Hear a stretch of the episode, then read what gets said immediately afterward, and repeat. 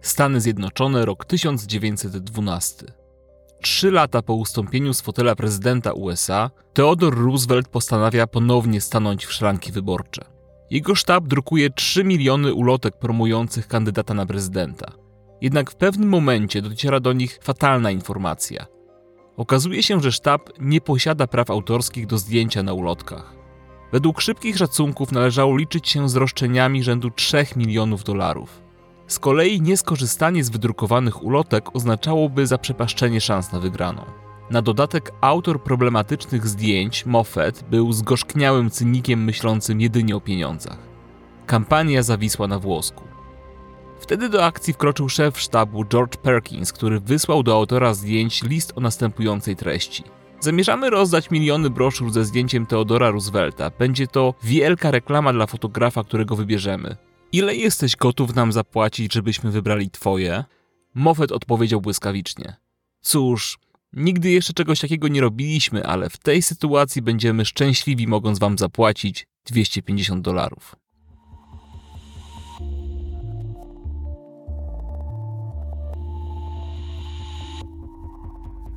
Nazywam się Andrzej Skasko i zapraszam do wysłuchania podcastu, w którym usłyszycie historie osób, które stały na czele ruchów społecznych, tworzyły przełomowe rozwiązania, osiągały nietuzinkowe rezultaty biznesowe. Historie te opowiedziane są z perspektywy pojedynczych minut, które zadecydowały o ich wielkim sukcesie lub o sromotnej porażce. Opowieści te konfrontuję z własnym doświadczeniem, tworząc przestrzeń do refleksji oraz inspirując do podejmowania nowych wyzwań. Przytoczona anegdotka ze sztabu Roosevelta jest wstępem do dzisiejszej opowieści o trzech niezłomnych sprzed ponad 100 lat. Będzie to historia o polityku, człowieku, biznesu i podróżniku. Pierwszy z nich, Theodore Roosevelt, od dzieciństwa cierpiał na astmę i krótkowzroczność. W trakcie wojny secesyjnej podróżował z rodziną po Europie, po czym wrócił do USA, by podjąć naukę na Harvardzie. Roosevelt postanowił poświęcić się polityce. W wieku 23 lat został najmłodszym w historii reprezentantem stanu Nowy Jork. Jednak w 1884 roku jego życie legło w gruzach. Dwa dni po urodzeniu córki, w ciągu jednego dnia i to w dodatku w walentynki, zmarła jego żona i matka. Zrozpaczony Teddy postanowił wyprowadzić się na zachód. Dwa lata później bez skutku kandydował na burmistrza Nowego Jorku. Tej samej zimy wielka zamieć zmiotła mu całe stado bydła w Dakocie.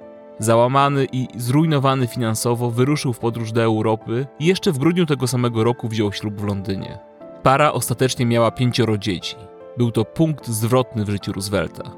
Teodor wrócił do Nowego Jorku i podjął się reformy policji. Zasłynął z nocnego patrolowania ulic, by łapać nieuczciwych policjantów przyjmujących łapówki. Dzięki swoim zasługom został szefem Rady Policji Nowego Jorku. Niezależnie od pracy w policji, pisał i publikował książki. Jego kariera zaczęła ponownie nabierać rozpędu. Otrzymał medal honoru, a w 1901 roku objął stanowisko wiceprezydenta USA. Niestety prezydent McKinley został zastrzelony przez zamachowca. W efekcie Theodore Roosevelt został zaprzysiężony na 26 prezydenta kraju.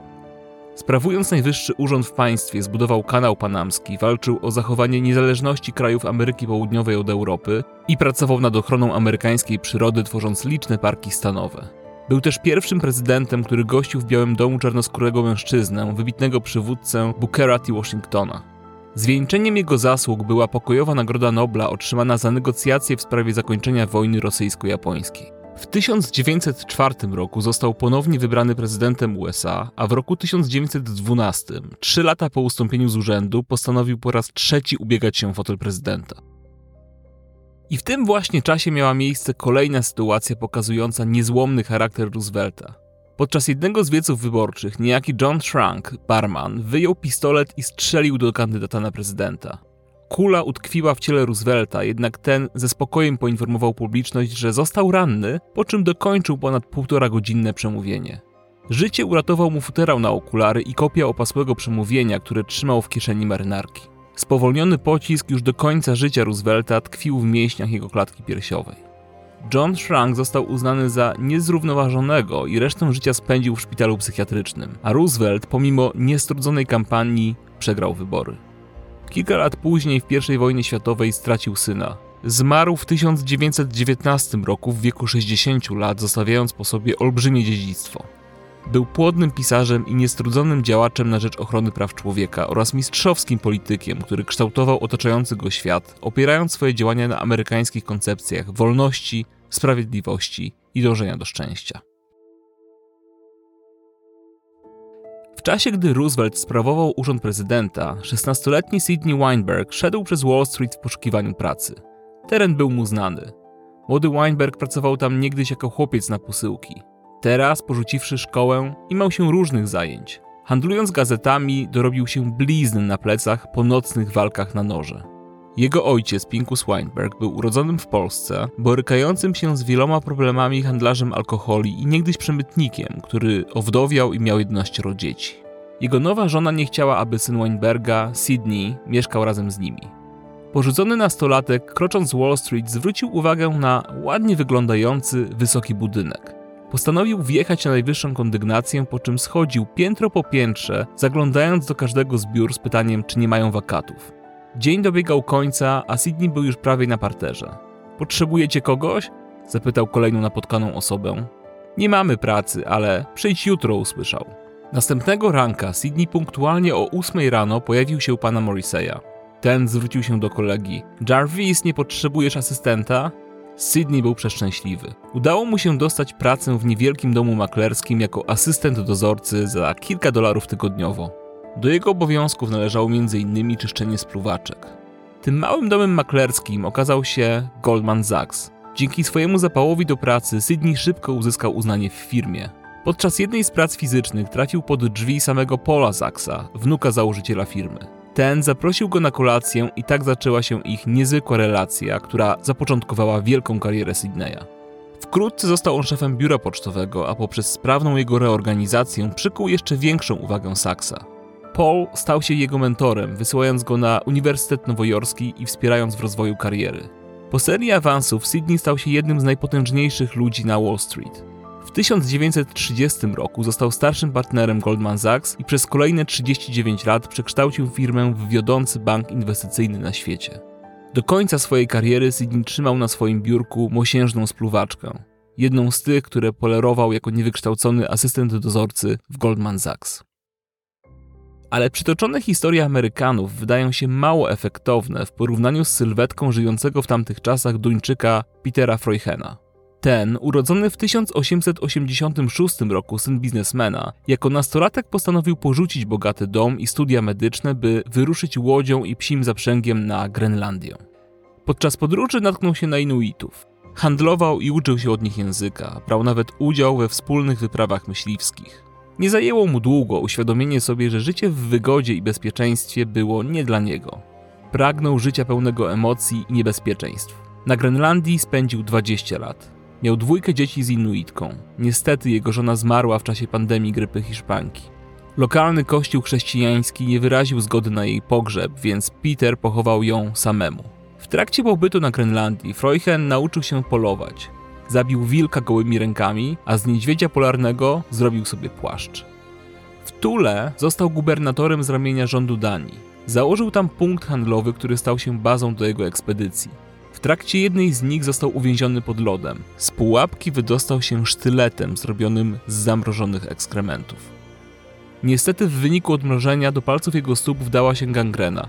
Peter odciął je sobie bez znieczulenia, używając przecinaka i młotka. Jako wdowiec wrócił do Danii, by pisać do Politiken. Wydał dziesiątki prac naukowych i książek, w tym kilka bestsellerów. Dołączył również do przemysłu filmowego, pracując przy różnych projektach jako konsultant i scenarzysta.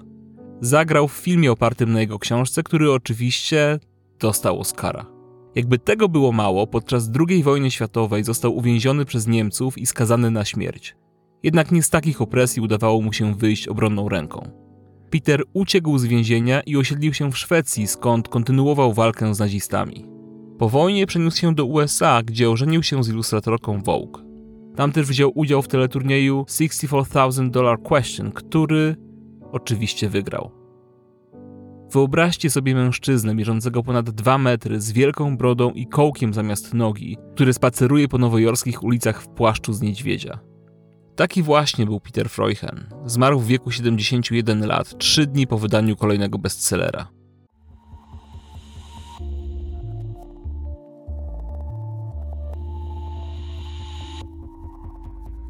1852 roku urodzona w niewoli Sojourner przybywa na konferencję o prawach kobiet w Ohio.